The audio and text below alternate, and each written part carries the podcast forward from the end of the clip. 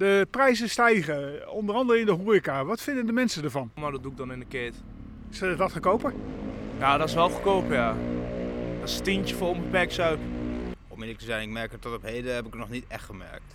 Weet je, ik denk op zich, wij kunnen het wel leiden. Ik denk niet dat er hier nog, eh, dat er tot op heden nog geen eh, sprake is van een enorme crisis. Dat andere mensen toch slechter af zijn.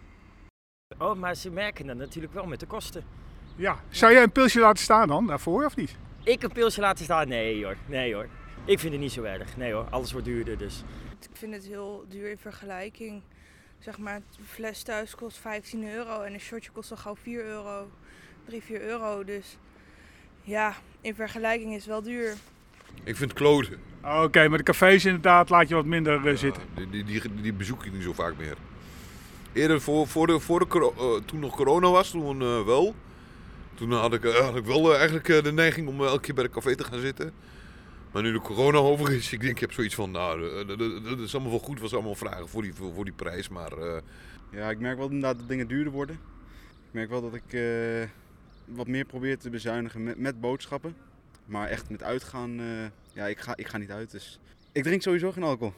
Ah, dus eh, dat scheelt voor jou wel. Voor mij scheelt het weer, dus de- die kosten die bespaar ik weer inderdaad.